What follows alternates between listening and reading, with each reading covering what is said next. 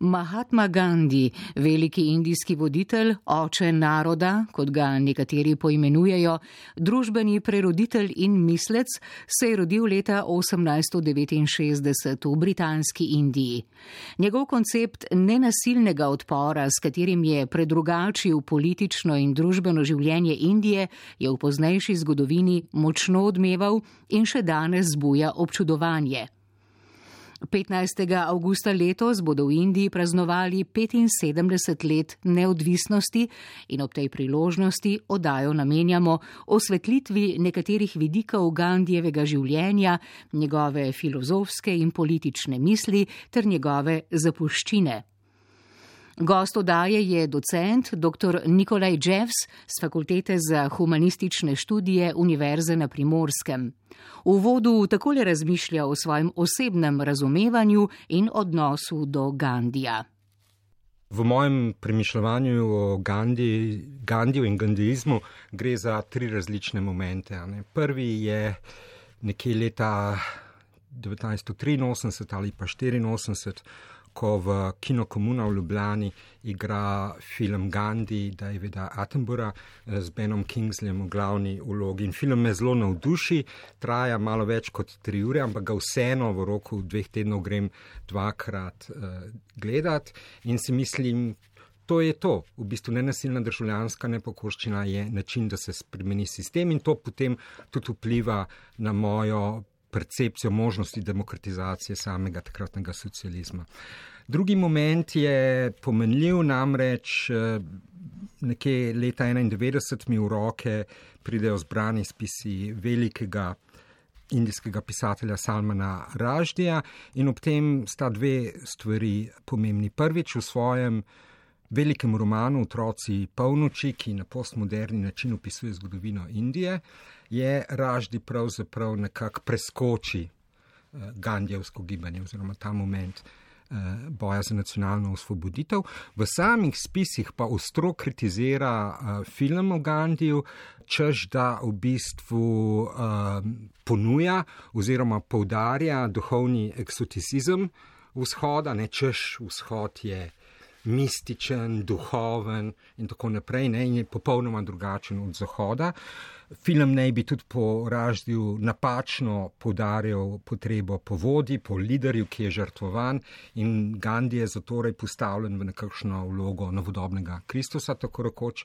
In za uh, raždja, ki je bil takrat še vedno uh, levičar dan danes je dvomljivo, če je še. No, za raždja pa film tudi utrdi prepričanje, da mora vsaka revolucija nujno biti nenasilna. Ne? In raždi se potem sprašuje, ali bi Gandijevstvo delovalo tudi proti nacistom, kar je pomembno vprašanje v Gandijevi misli. No in tretji moment tega premišljanja o Gandiju in nenasilnem boju pa v bistvu sprožijo vojne v nekdani Jugoslaviji. Recimo leto 1996 se znajdemo v Sarajevu na enem mirovniškem srečanju in urednik legendarnega radija Zid, zdravko Grebo, me odpel, odpelje ven iz stavbe, kjer smo se srečali in kjer smo pobrkovali in pokaže na tiste hribe nad Sarajevem, odkuder so očetniki obstreljevali mesto in reče, ne moreš biti pacifist, če te nekdo davi. No, ta trenutek, tudi ta trenutek je pa potem dal mal drugačen pogled na načelo gandjevskega nenasilnega odpora oziroma vsakršnega nenasilnega odpora.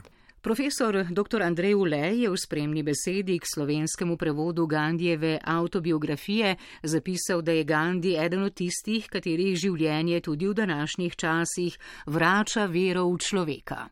Vero v to, da kakovost premaga količino, modrost, surovo moč, resnica laž in ljubezen sovraštvo.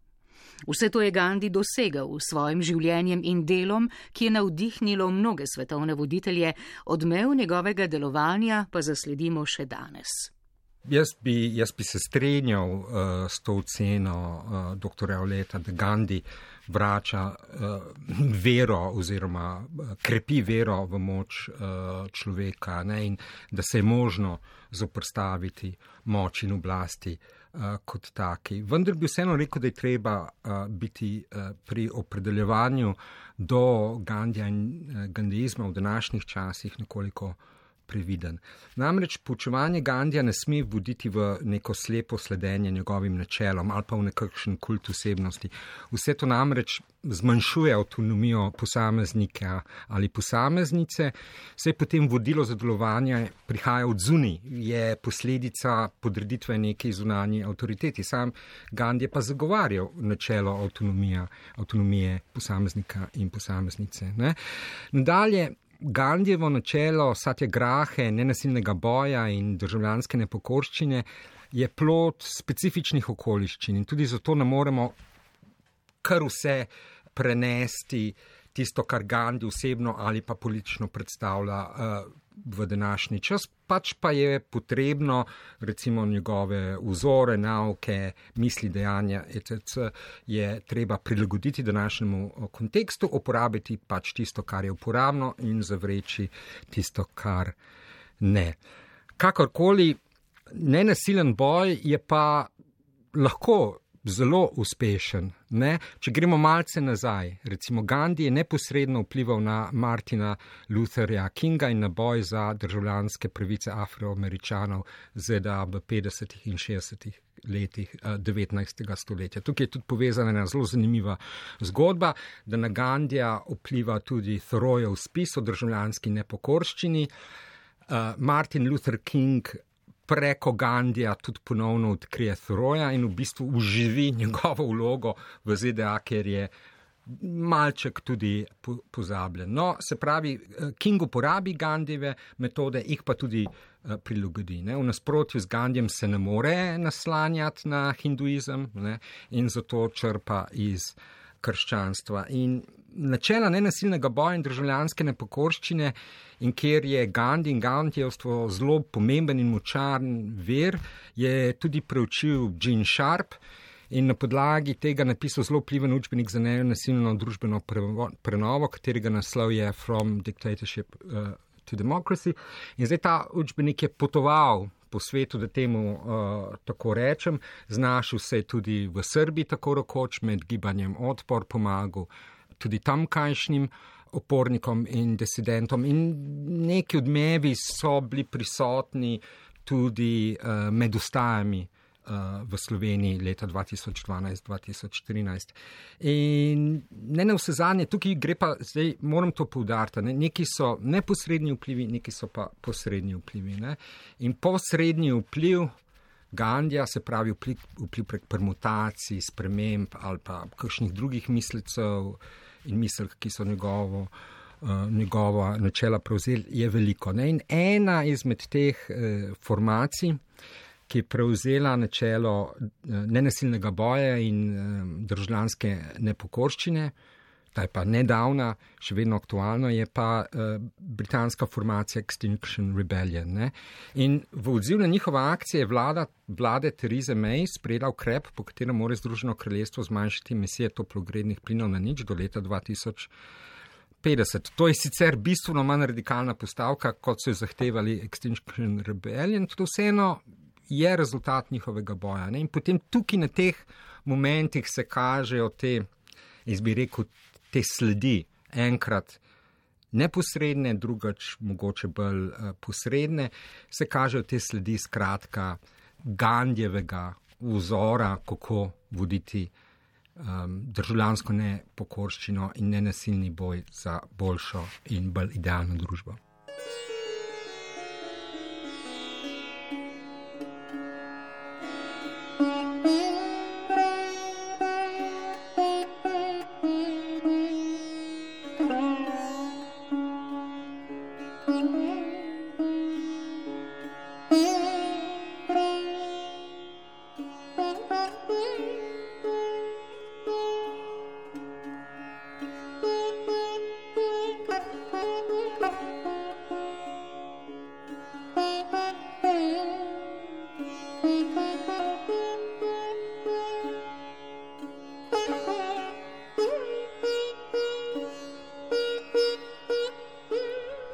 Delovanje Mahatme Gandija je preplet globoke religioznosti, etičnih načel in filozofskih premišljevanj, kar je predelal v sredstvo političnega boja in družbene preobrazbe. Kot mlad pravnik je ob koncu 19. stoletja prišel v Južno Afriko, kjer je ostal več kot 20 let. Na prelomu stoletja je namreč v tej državi delalo veliko indicev, ki so bili, tako kot temnopolti afričani, žrtve rasnega razlikovanja. Južna Afrika pomeni prelomnico v Gandijevem življenju, saj je takrat začel razvijati zamisli o Satya Grahi, ustrajanju v resnici in ahimsi, univerzalnem nenasilju. Prelomnica je zato, ker je pravzaprav Gandhi v Južni Afriki prvič in sicer ob treh različnih prilikah na lastni koži neposredno spoznal rasno diskriminacijo. Ne. Potuje z vlakom, ima vozovnico za prvi razred, vendar ga vržejo iz vlaka ravno zato, ker ni bel ne, je eh, v bistvu Indijec, je kuli. Ne. Eh, potem ni eh, mogel sedeti, ko potuje s kočijo, ni mogel sedeti v kočiji, eh, temveč zraven voznika, spet zato, ker eh, ni eh, bil. Tretjič, potem je, de, je deležen eh, nasilja, zato ker si upa sprehoditi mimo guvernerjeve pelače in tako naprej. Ne. In odhod. Oziroma, pristanek, tako rekoč v Južni Afriki, je za Gandija pomemben tudi zato, ker uh, mu je življenje v Južni Afriki dalo možnost, da je drugače gledal na Indijo, kot če bi ostal v rodnem Gujaratu. Se pravi, on je delal za muslimansko pravno pisarno, imel je eh, tamilske klijente, spoznaval je indice iz različnih koncev Indije, različnih razredov kast, veroizpovedi, etničnosti in tako naprej. In kot poudarja Ramachandra Guha, ki je avtor najbolj autoritativnih biografij o Gandhi, je Gandhi v bistvu v Južni Afriki bolj od blizu spoznal etnično, jezikovno in religiozno različnost Indije, kot če bi ostal uh, v Gujaratu. Se pravi, pogled tudi zunaj mu je dal bolj celovit pogled na to, kaj uh, Indija je. No, uh, v Južni Afriki je tudi spoznal Tolstojeva dela. Uh, Tolstojev krščanski anarhizem je na Gandija zelo vplival, tudi dopisoval se, se je z njim in Tolstoj, Tolstoj mu tudi da anarhistično vizijo in še dodatno Gandiju utrdi vero v transformativno in uspešno moč nenasilnega družbenega boja. V Južni Afriki tudi spozna stroje v spisu državljanskih nepokorščini, ta element postane ključen uh, za Gandija. In v Južni Afriki tudi naleti na knjigo Johna Ruskina Antuhizon, na podlagi katere razvija svojo ekonomsko vizijo in načela. In ta ima recimo tri komponente, se pravi dobrobit posameznika, stvar dobrobiti vseh. Med različnimi oblikami dela ni razlike, se pravi, odvetnik naj bo isto plačen kot brivec, oba upravljata delo. In tretje načelo je eh, seveda, da je življenje nekoga, ki obdeluje zemljo ali pa je droben obretnik, je življenje, ki ga je vredno eh, živeti. In vse to vpliva na Gandija in Gandhi tudi v bistvu tam začne prve poskuse s skupnostnim življenjem, z življenjem na komunah, ne, živi na kmetiji Phoenix, potem na kmetiji uh, Tolstoj. In ne na vse zadnje, v, v Južni Afriki tudi se loti prvih satja grah, se pravi prvih akcij proti omejitvam tamkajšnjih, uh, omejitvam pravic tamkaj, tamkaj živečih indicev in indik. Satyagraha je oblika nenasilne državljanske nepokorščine. Ne? Gre za trdno, uh, načelno in dosledno ustrajanje v resnici, firmness and truth, ne? se pravi moč v resnici. In Satyagraha vključuje zborovanja, pohode, štrajke, neplačevanje davkov, bojkot dobrin, servisov. In Gandhi je tudi v to vključil elemente postenja oziroma gledovne stavke. Ne? Glede osnovnih principov je tu seveda najpomembnejše načelo nenasilja oziroma ahimse, ne? da se popolna odpoved kakršnemu koli nasilnemu uh, delovanju, ali bodi si je to fizično nasilje ali pa verbalno nasilje, ali pa tudi uh, kakršno koli upiranje nasilnim dejanj strani drugih. Ne?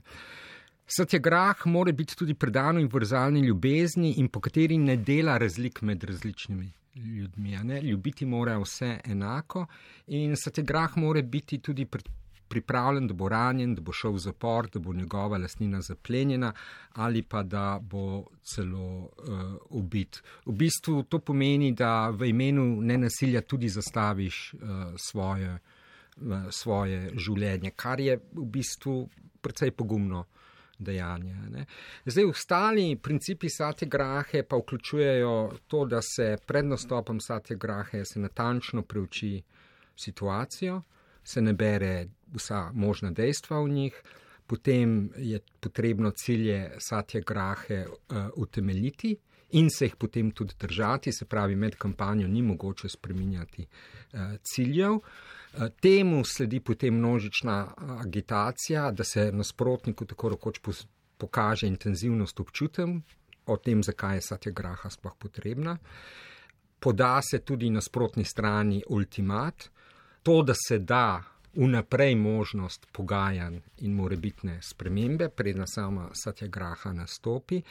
In vse akcije Satya Grahe so vnaprej se pravi, se vnaprej pove, kaj se bo delalo, kako se bo delalo. In ne na vse zadnje, linije komunikacije med eno in drugo stranjo so vedno odprte, to pa zato, da vedno obstaja možnost pogajanj, ki jih je mogoče v hipu odpreti. Ne. Kar je zanimivo pri tem je to, da Gandhi je bil odvetnik, ampak Satya Graha ne vključuje recimo pravnega boja v obliki pohoda skozi sodišča, pravnega testiranja in uh, vsega ostalega. In to zaradi uh, različnih razlogov. Eden je nedvomno ta, da Satya Graha predpostavlja transformacijo obeh strani in satja graha in nasprotno stran. Pravno delovanje pa tega ne, ne omogoča. Ne. Pravno delovanje je, je nasprotniško usmerjeno. Ne. Si zmagovalec ali poraženec, ne. ni možnosti za nek dialog ali pa kompromis. No, in strategije in taktike političnih sprememb, kakor uh, jih zagovarja Satya Graha, družbenih in političnih sprememb, kakor jih zagovarja Satya Graha, so posebno nasilne. Ne? Cilj ni prevzem oblasti, temveč preobrazba vsakdanjih odnosov, vseh, ki so vključeni tako ali drugače v ta proces. Ne? In v Sante Grahi in v Gandhijevi misli ni razlikovanja med cilji in sredstvi, čež da cilj v neki makjavelistični viziji upravičuje sredstva. Ne, ne, ne. Za Gandija so sredstva spremembe že cilji te spremembe same. Ne. Cilje se že dela, ko se izbira sredstva, ko se gre v implementacijo eh, teh sredstv. In to je dan danes precej razširjeno. Temu se reče prefigurativna politika, ki je zelo razširjena med nekaterimi formacijami na radikalni levici. Ne? In to pomeni, čas, da že tukaj in zdaj izrešuješ, izrešuješ medsebojne in družbene odnose, kakršne bi želel, da obstojijo, se realizirajo v neki prihodnji in idealni družbi. Gandhijevo politično in družbeno delovanje se je že od začetka, od prvih akcij v Južni Afriki, revolucionarno razlikovalo od dotedanjih načinov delovanja. Ja, to je, uh, to je res. Ne. Sicer Gandhi ni bil vedno in posod uspešen, ne. tega se je treba zavedati. Ja, Ampak to, glede njegove revolucionarnosti v takratnem času, v takratnem kontekstu, ne, in če se tudi vprašamo, kako se je njegovo delovanje v družbi in politiki eh, tako revolucionarno razlikovalo od tedanjih načinov eh, delovanja, je potrebno podariti več stvari. Ne. Prevladujoči načini politične spremembe do takrat so bile sledeče. In sicer, da je politična sprememba neodvisna od osebne spremembe. Ne? Gre za dve ločeni sferi. Gandhi na to ni pristal. Ne? Osebna sprememba je primarna, predhodna veliki družbeni in politični spremembi. Ne? Druga stvar, ki je bila značilna za politične procese tistega časa, je bila ta, da različne skupine, zdaj govorimo o delavcih, kmetih, ženskah, kolonizirancih, ni praviloma niso bili uh, vključeni v proces politične participacije. Gandhi je svojim, svojim delovanjem, ne vse, ampak nekatere od teh nedvomno vključil. Ne? Poleg tega za tisti čas je tudi značilno to, da spremembe prihajajo od zgoraj na vzdolj. Gandhi je to obrnil, se pravi, spremembe prihajajo od navzdolj in, in se širijo tako rekoč proti vrhovom oblasti. In nadaljna značilnost za, za tisti čas je, da se politične spore reševalo um, bodi si na način racionalne diskusije med različnimi političnimi akteri, bodi si skozi ustavno delovanje oziroma parlamentarizem, strankarstvo. Uh, če temu tako hočete, ali pa ne na vse zadnje, da politične spremembe potekajo na nasilni način. Ne? In vse to je v bistvu, Gandhi ni bil proti racionalni diskusiji, ampak v bistvu, če je nekdo, če ima kdo recimo nekatere uh, pomisleke, diskriminira nasproti drugemu, mu ne priznava enakopravnost, češ si koloniziran, si črn ali pa si ženska, je zelo težko s takim človekom voditi racionalno diskusijo. Ne? In zato je potem ta moralni pritisk satjagrahe potreben. Ustavno delovanje, parlamentarizem, strankarstvo, tudi v nekaterih pogojih, tudi nista posem uh, uspešni, sploh pa ne v kolonialnih pogojih, ker je ta prostor za politično, strankarsko, parlamentarno in ustavno delovanje zelo, zelo skrčeno. In ne na vse zadnje, seveda Gandhi je uh, zavrnil nasilje. Ne? Treba je povedati, da ko on pride v Indijo, ko se vrne v Indijo leta 15, je terorizem precej v razmahu. In Gandhi sicer občuduje osebni pogum teroristov, ki, ko se spuščajo v različne akcije, to jim nedvomno priznava, da so pogumni, ampak po drugi strani pa se eh, pa povsem kritizira oziroma zavrne pot, da je mogoče Indijo spremeniti z nasilnimi sredstvi.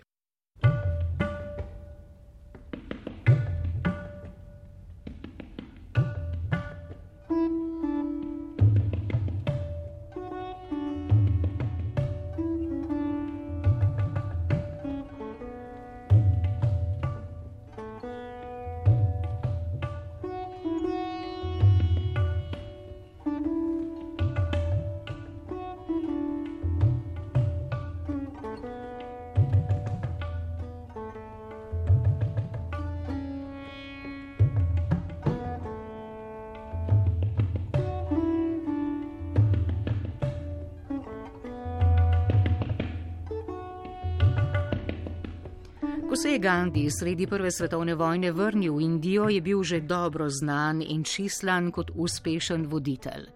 Kot opozarjajo mnogi njegovi biografi, je zanimivo, da je prva leta po vrnitvi Britaniji pripisoval nedvomne civilizacijske vrednote. Verjel je, da se morajo Indici dokazati kot lojalni pripadniki britanskega imperija. Ja, to je bil pravzaprav. Um en daljši proces, tudi en daljši proces, v katerem je on oblikoval različne vizije prihodnosti Indije, ne, v bistvu od samo vlade statusa dominiona znotraj britanskega imperija do zahteve, da je Indija popolnoma svobodna. Ne. Zdaj, mogoče od vseh teh trenutkov velja izpostaviti, ker gre za en precej traumatičen dogodek v indijski zgodovini. Velja izpostaviti pokol v Amricarju uh, leta 1919. Ne. Se pravi, britanska vlada želi podaljšati izredno stanje v Indiji, izredno stanje, kakor je vladalo v času Prve svetovne vojne, in tudi želi ustaviti naraščajoče teroristične napade, narejene v imenu Indijske nacionalne osvoboditve. Ne. In zato sprejme tako imenovani zakon o anarhičnih in revolucionarnih dejanjih, imenovan tudi Rowlatov zakon. Ki med drugim uzakonja preventivni zapor za nedoločen čas in zapor brez sojenja in tako naprej. Ne. In Gandhi sproži kampanjo Satya Graho proti temu zakonu. Ne. No, in kaj se zgodi na javnem zbirališču v Amricarju? Se zbere ena velika množica v znak protesta proti zakonu in proti prepovedi javnega zbiranja. Ne. Uh, na prizorišču se znajde britanski general Dyer s svojimi četami in želi to množico razgnati in svojim četam ukaže, da eh, strelja na zbrano množico. Ne. In 379 ljudi je ubitih, več kot tisoč pa jih je ranjenih. Ne. In znotraj tega obdobja so še druge, seveda, drugi traumatični trenutki in tako naprej. No, kakorkoli uh, že. Po pokolu v Amricarju Gandhi piše indijskemu podkralju in izpostavi, da britanski imperij ne more več imeti njegovih simpatij ali spoštovanja in da britanska vladavina v Indiji se more končati in upor proti Britancem je pa zdaj dožnost. Ne? Ampak ob tem naredi še nekaj. Ne? Gandhi odpove kampanjo neposlušnosti in nesodelovanja ne, v tem času in tudi v svoji autobiografiji, moji eksperimenti z resnico, piše, da je to obdobje, te, to, te satjegrahe, ne, bila napačna kalkulacija himalajskih razsežnosti. In on meni, da je ljudi mobiliziral, še predno so bili pripravljeni za takšno mobilizacijo. Kaj ti vedno je mislil, da dejansko mora tukaj biti najprej osebna prenova, predno je družbena politična možna. Ne? In ta osebna prenova ni, šla, uh, ni bila dovolj korenita, uh, da bi zajela vse ljudi, ki so bili takrat mi, uh, mobilizirani, in tudi uh, deloma tudi prilagodi svojo strategijo, Satya Grahe, kajti odloči se, da je bolje imeti najprej mehko, disciplinirano in predano skupino Satyagrahistov, ki naj potem natančno pouči širše množice, kaj satje graha pomeni, kakšne implikacije ima, kakšne donosne in tako naprej. Ne? Gandhi je trdil, da pri konceptu nenasilja ne gre za pasiven odpor, ampak za aktiven nenasilen upor, ker zahteva resnico in neustrašnost. Zato človek ne more gojiti nenasilja in biti hkrati strahopetec. Prakticiranje ahimse zahteva kar največji pogum, je dejal. Zunanjemu opazovalcu se zdi, da je vedno našel taktično potezo, proti kateri politični nasprotniki niso mogli nič. Gandhi se je mogel večkrat umakniti, večkrat je mogel preklicati svoje kampanje, niso bile vse. Eh, uspešne niso bile vse enako uspešne. Ne. Dober primer tega neuspeha je pokol v, v mestu Čaura Čauri. Kaj se tam, eh, to je leta 22, ne, kaj se tam zgodi? Množica se zbere, izvane je strani policistov in potem se obrne na policiste in trije policisti so ubiti v neredu, ki uh, sledi. Ne? In spet Gandhi je takrat, uh, ko se sooči s tem, takrat dejansko uh, spet prekliče uh, svojo kampanjo. Ne? Tako da ni bil, uh, vedno, ni bil vedno in uh, povsod uspešen, sploh ne. Poleg tega, da je Gandhi sprožil in vodil indijsko pot v neodvisnost, je bil tudi družbeni reformator. Zauzemal se je za versko enakopravnost, odpravo kaste nedotakljivih, za razvoj vasi in obrti.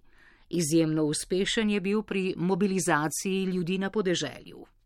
Se pravi, Gandhi je šel na vas na podeželje, se navzel skromnosti ter se oblačil tako kot najnižji indici. Uh, ter oblačil se je v blago narejenem v Indiji, ne pa v angliških predilnicah. Ne? Se pravi, ta njegova oblečilna politika je bila precej taktična in strateško uh, utemeljena. Po, e, po vrnitvi v Indijo eno leto potuje po Indiji in sicer v vagonih tretjega razreda, se pravi, spet se v istoveti z najnižjimi, najrevnejšimi, ima pa ob tem veliko spremstvo in iz tega časa obstoji neka šala, da je bilo zelo drago Gandija obdržati v revščini, ne, češ vzdrževati ta vides revščine. No. Se pravi, eh, kako bi rekel, s svojim delovanjem, oblačenjem se je postavil na stran eh, najbolj marginaliziranih, najbolj podrejenih ne, in najbolj ob, ob, obdrobnih. Fokusiral se je na vas, na podeželje, tam, kjer je večina prebivalstva Indije dejansko živela. Ne. Nadalje, za Gandhi uspeh je tudi vključen v nos hindujske religiozne misli in mitologije v politični govor. Seveda, Gandhi je bil zelo eklektičen, religiozni eh, mislec, črpal je iz vseh religij, ni imel nobene, nobene težave s svojim religioznim eklekticizmom, prav nasprotno, tu je videl bistveno moč in prednost, ne? ampak vendarle neke osnovne postavke pa je vendar utemeljil v hinduizmu. Ne? In to je, to je tudi nagovorilo široke množice. Nadalje, po anarhistu Petru Kropotkinu se Gandhi ne vzame tudi vizije decentralizacije in prihodnosti Indije vidi v svobodnih, avtonomnih in samopravnih vseh, ki prakticirajo samo vlada. Samo vlada. Skratka, preobrne prevlado, preobrne prevlado mesta nad vsjo in načeloma vsaj večino indijskega prebivalstva, tisto, ki ni urbanizirano, postavi v središče uh, svojega nagovora in delovanja. Ne? Zdaj, ta mobilizacija ni bila tako uspešna, kot se zdi.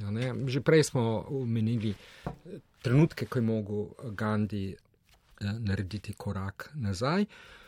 Včasih je pa lahko bila bolj uspešna ne? in tukaj je mogoče najbolj pomembna njegova akcija iz leta 1930, tako imenovana Solna Satyagraha, ko v bistvu Gandhi se odpravi na pohod proti obali, ki je dolg 388 km, ima s sabo 78 predanih njemu eh, popolnoma zvestih satjagrahistov, seveda po poti se mu drugi pridružujejo. In potem, ko pride do morja, simbolno zagrabi sov in prelomi monopol, ki ga ima takratna britanska oblast na pridelavo in na prodajo eh, soli. In to je zelo pomembna akcija v simbolnem smislu, se pravi, davčne prihodke britanskega raža ni zelo prizadela, ampak bila je pa pomembna iz drugega stališča, čež da je prvič postavila načelo odgovornosti na pleča posameznika in posameznice, češ vsak naj si prideluje, so vsak ima pravico do tega, so je tako pomembna v indijskem življenju kot voda. Drugič, davek nasov je prizadel revne najbolj, bolj kot bogate, se pravi, je kampanja se osredotočila tudi na njih. In eno se zadnje, in kar je zelo pomembno, Ta kampanja je tudi, oziroma davek na sol, ki ga je Gandhi želel uh, ukiniti, prelomiti z njim, je enako vplival na hindujce, muslimane, sike in uh, druge etnične in verske skupine. Tako da tukaj je bil uh, zelo uspešen. No, ampak je pa tudi res, ne, da v drugih stvareh pa mogoče ni bil uh, tako uspešen. Ne. Na govoru je ko je s tem, ko je upeljal element religiozne misli v, eh, v politični govor in uh, delovanje, je seveda nagovoril religiozne hindujce, odtujil je pa, da nimo sekularne muslimane, ki niso uh, želeli to vrstne povezave v političnem uh, življenju. Nekateri verni muslimani so pa mislili, da gre pri Gandiju v bistvu za obliko boja hindujske prevlade nad muslimansko manjšino. Pravoverski vidik je močno zaznamoval zadnje obdobje Gandijevega življenja po razglasitvi neodvisnosti leta 1947. Se je država razdelila na današnji indijski del ter na vzhodni in zahodni Pakistan. To je povzročilo begunsko krizo, množično preseljevanje hindujskega, muslimanskega in sikovskega prebivalstva ter silovite medverske spore, tudi spopade. Gandija, ki je bil globoko versko toleranten človek, je dogajanje silno prizadelo. Že ob razglasitvi neodvisnosti je dejal, da njegova neodvisnost še ni dosežena, da občuti razcepljenost v srcu. Ja, razdelitev Indije in razmah medetničnega in medverskega nasilja je Gandija zagotovo globoko prizadela. Ne. Tu je umrlo najmanj milijon ljudi. Približno med 12 in 13 milijonov ljudi je pa bilo takrat razseljenih, ne, ko pride do razdelitve britanskega rađa na Indijo in na Pakistan. Ne. Pakistan samo pa takrat dva dela, zahodni in vzhodni Pakistan. To ga nedvomno eh, prizadane, gre za masovno klanje, tako rekoč največjo begunsko krizo v zgodovini človeštva uh, doslej. Ne? In tudi sam Gandhi intervenira v to. In sicer večkrat, ampak tu bi izpostavil dva momenta, ker tukaj se kaže njegova moralna avtoriteta, ki jo ima.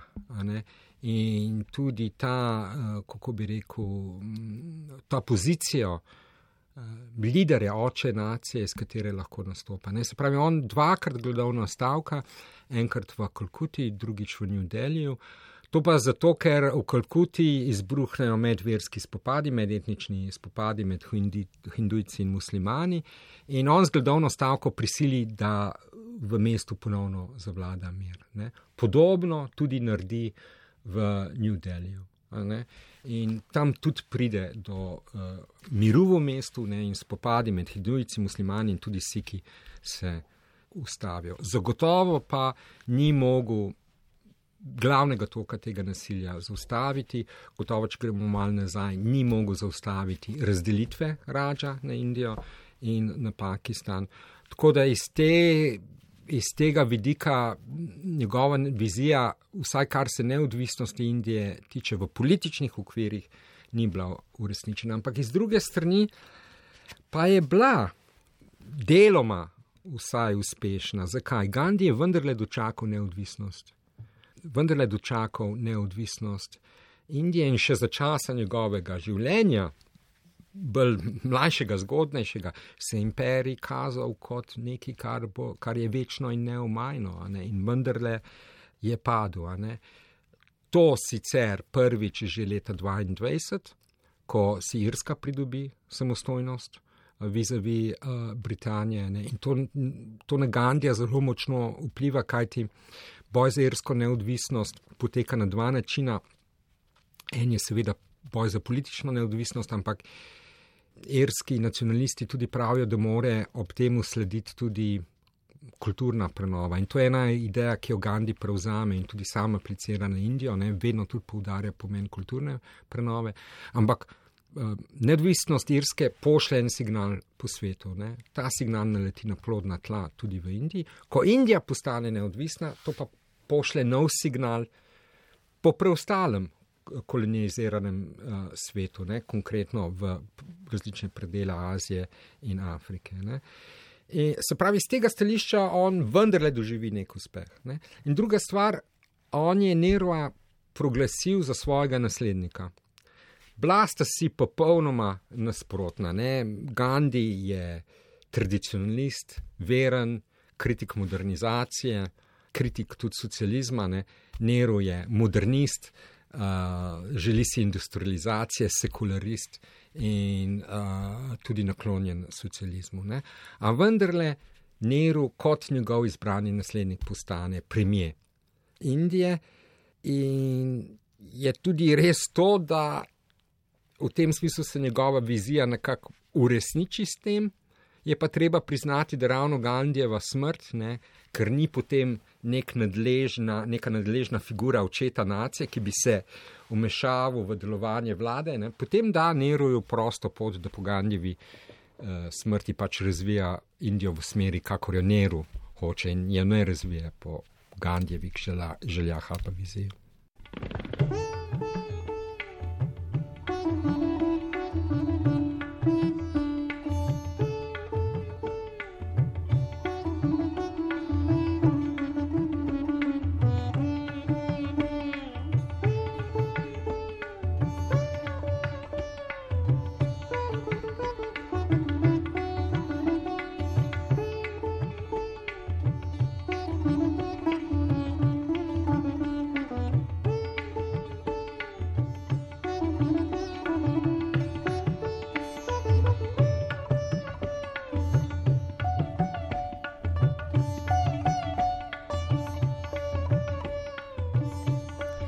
Koncu si še enkrat sposodimo besede profesorja dr. Andreja Uleta. Pravi, da gre pri Gandiju za radikalno človečnost, za etično in duhovno naravnanost v vsakdanjem življenju in delovanju ljudi, ki bi jo morali imeti vsi voditelji. Zdi se, da prepad med Gandijevo vizijo in realnostjo danes ne bi mogel biti večji. Kakšna je torej po mnenju docenta dr. Nikolaja Jeffsa Gandijeva zapuščina svetu, Indiji in posamezniku? Tukaj bi jaz izpostavil tri sklope, ne, uh, kar se zapuščine tiče. Ne. Uh, prva stvar je, Gandhi je v prvi vrsti tudi religiozni mislic. Ne. Se pravi, svoje načela delovanja črpa iz religije. Iz religije. Ne? Ampak od vseh ostalih verov, ki so na njo vplivali, ga je inspiriral tudi anarhizem. Tako ga recimo teoretiki in zgodovinari anarhizma, kot so George Woodcock in Peter Marshall, uvrščajo v kulturno in politično dediščino anarhizma. Ne? Zdaj, Peter Marshall v svoji knjigi o zgodovini anarhizma pravi, da je, da je zlahka mogoče preceniti Gandhijev anarhizem. To je res, ampak nedvomno je ta vizija tam. Ne? In kako se kaže? Gandhi najprej zagovarja avtonomijo in samo vlada posameznika, ne? njegovo odgovornost do vsega, kar je živega ne? in do so ljudi jasno. Ne? Ob tem Gandhi tudi daje prednost eh, notranji preobrazbi in transformaciji medosebnih odnosov. Te spremembe morajo biti prve in morajo biti predhodne v bistvu spremembam na politični ali pa makro ravni, kajti drugače, če je sosledje obrnjeno, eh, potem ni nič doseženo. Ne? Spremenimo oblast, nismo pa spremenili uh, družbe. Ne? In v tem kontekstu je mogoče zlahka mogoče spregledati, da za Gandija je bil njegov politični ideal, skrajni cilj, ne, njegova skrajna vizija je bila to, da bo družba zgrajena po načelu, bo delovala po načelu razsvetljene anarhije. In še leta 1946 piše o tem, kako je cilj razvoja izgradne družbe brez države. To on pravi in da je to mogoče ustanoviti najprej in samo v Indiji. Se pravi, to je en sklop. Ne? In na podlagi tega potem Gandijeva misel tudi potuje po svetu, se spremenja, permutira, transformira in tako naprej. Ne? Se pravi, znotraj tega sklopa bomo rekli dediščine po eni strani nenasilnega boja, po drugi strani tudi neke anarhistične. Vizije. Zdaj, bolj konkretno, drugi sklop, kar se um, Indije tiče, je pa tako. V Indiji so možni različni odzivi glede na njegovo zapuščino in tu je Gandhi predmet različnih rab. E, se pravi, prvi ga kot očeta nacije proglasi Subas Bose, ki je izjemno zanimiva figura v indijskem nacionalizmu, kajti po načelu sovražnik mojega sovražnika je moj prijatelj, Bose sodeluje z Nemci in z Japonci v času druge svetovne vojne. Ustanovi indijsko nacionalno vojsko, kateri se pridruži 60 tisoč indijskih vojakov, in ena izmed brigad te vojske se imenuje tudi briga, Gandjeva brigada, ne? kar je popolnoma v nasprotju z Gandjevimi uh, načelji, ampak ta vojska se vseeno bori za osvoboditev Indije, ne? pod tudi s pomočjo imena samega Gandija. No, je percipiran za časa svojega življenja, že kot rečeno, kot oče nacije, v času neodvisnosti, zagotovo to. Tako je tudi doživljen, od tega tudi črpa moralno moč in avtoriteto do posega v te medične spore, jih tudi ustavlja s pomočjo gledovnih stavk. Ne? Se, če ne bi bil priznan in viden kot velika figura, v bistvu bi ga ljudje pustili, da umre, ne? ne bi bil tako uspešen. Ampa, in, ampak njegova pot gre, recimo, v, bomo rekli tako, v tri različne strani. Po Gandjevi smrti njegovo pot nadaljuje vinoba Bave, on ima raz, več različnih gandjevskih akcij in satja grah, ampak od njih bi mogoče izpostavil pohod, akcijo, ki jo, ga, ki jo on sproži leta 1954 in po katerih hodi uh, po različnih vseh in prosi za prenos lastništva od posameznih lastnikov do v bistvu, da se lastništvo zemlje prenese na vse, ki, delajo, ki živijo in delajo ne, v eni določeni vasi, in da bo to lastništvo zemlje bolj enakomerno porazdeljeno.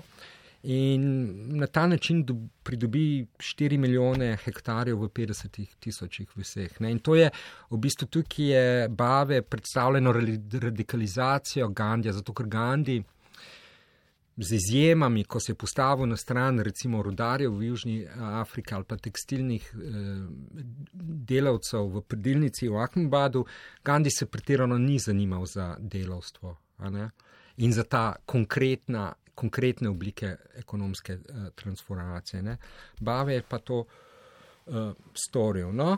Druga pot je pa seveda ta, da je iz strani današnjih hindujskih skrajnežev in fanatikov je pa Gandhi seveda preziran.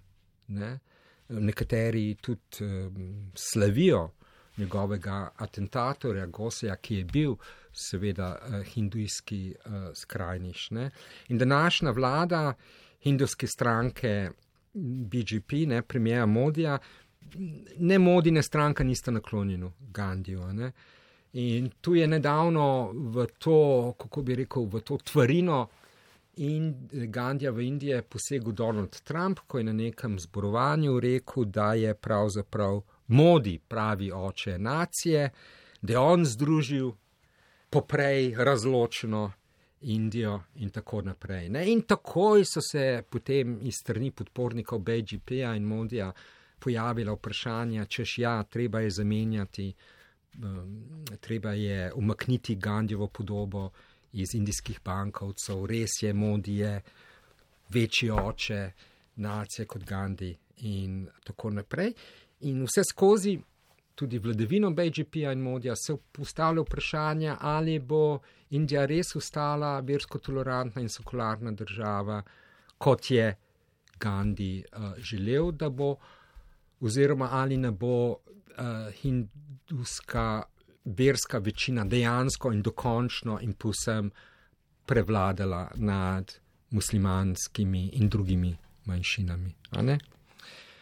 Zdaj je stvar taka. Gandjeva zbrana dela obsegajo 90 knjig. Več kot tisoč knjig je bilo v njemu napisanih. In zdaj, če bi se mi prepustili v nekem natančnemu študiju tega, kaj je on napisal in kaj so drugi o njemu napisali, bi tako izgubili prvo lekcijo Gandjevega delovanja. Ne? Namreč to, da se vrednost misli same vedno preizkuša in potrjuje ali pa uvrže v neposrednji življenjski praksi. Ne? Se pravi, to je treba gojiti. Ne? Za Gandija njegovo pisanje ni bilo tako pomembno kot pa samo življenje. Ne? To naj bo vodilo. Ne? Drugo pomembno vodilo pa izhaja iz Gandjevega odnosa do religije. Ne. Gandhi je bil, kot rečeno, eklektik. In Gandhijovo življenje in pisanje lahko uporabimo na isti način, na podoben način, kot je on uporabil vse religije. Zanj so bile vir, en resurs, v katerem je jemljal, kombiniral, kot je pač želel, kot se mu je zdelo potrebno kar, je, kar se mu je zdelo dobro, je ohranil, kar se mu ni zdelo dobro, je zavrgel. In tukaj je religije uporabil na pragmatičen način, glede na svoje potrebe, ni bil dogmatik, različne svete tekste ni dogmatično, ni dobesedno bral, bral jih je v bistvu eklektično, ahistorično in sinkretično. Ne?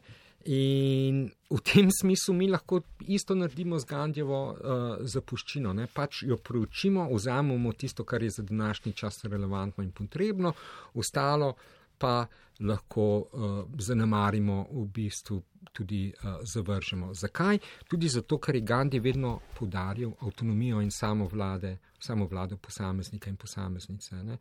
In ena travestija aplikacije Gandjeve misli bi bila to, da bi mi v imenu zvestobe njemu ali pa njegovim vizijam se podredili povsem tistemu, kar naj bi on bil. Nasprotno, jaz bi tukaj um, zagovarjal dejansko to pri, pragmatično, sinkretično, eklektično načelo rabe Gandija kot enega resursa, vera od vseh ostalih, ki so nam na voljo za progresivno družbeno prenovo.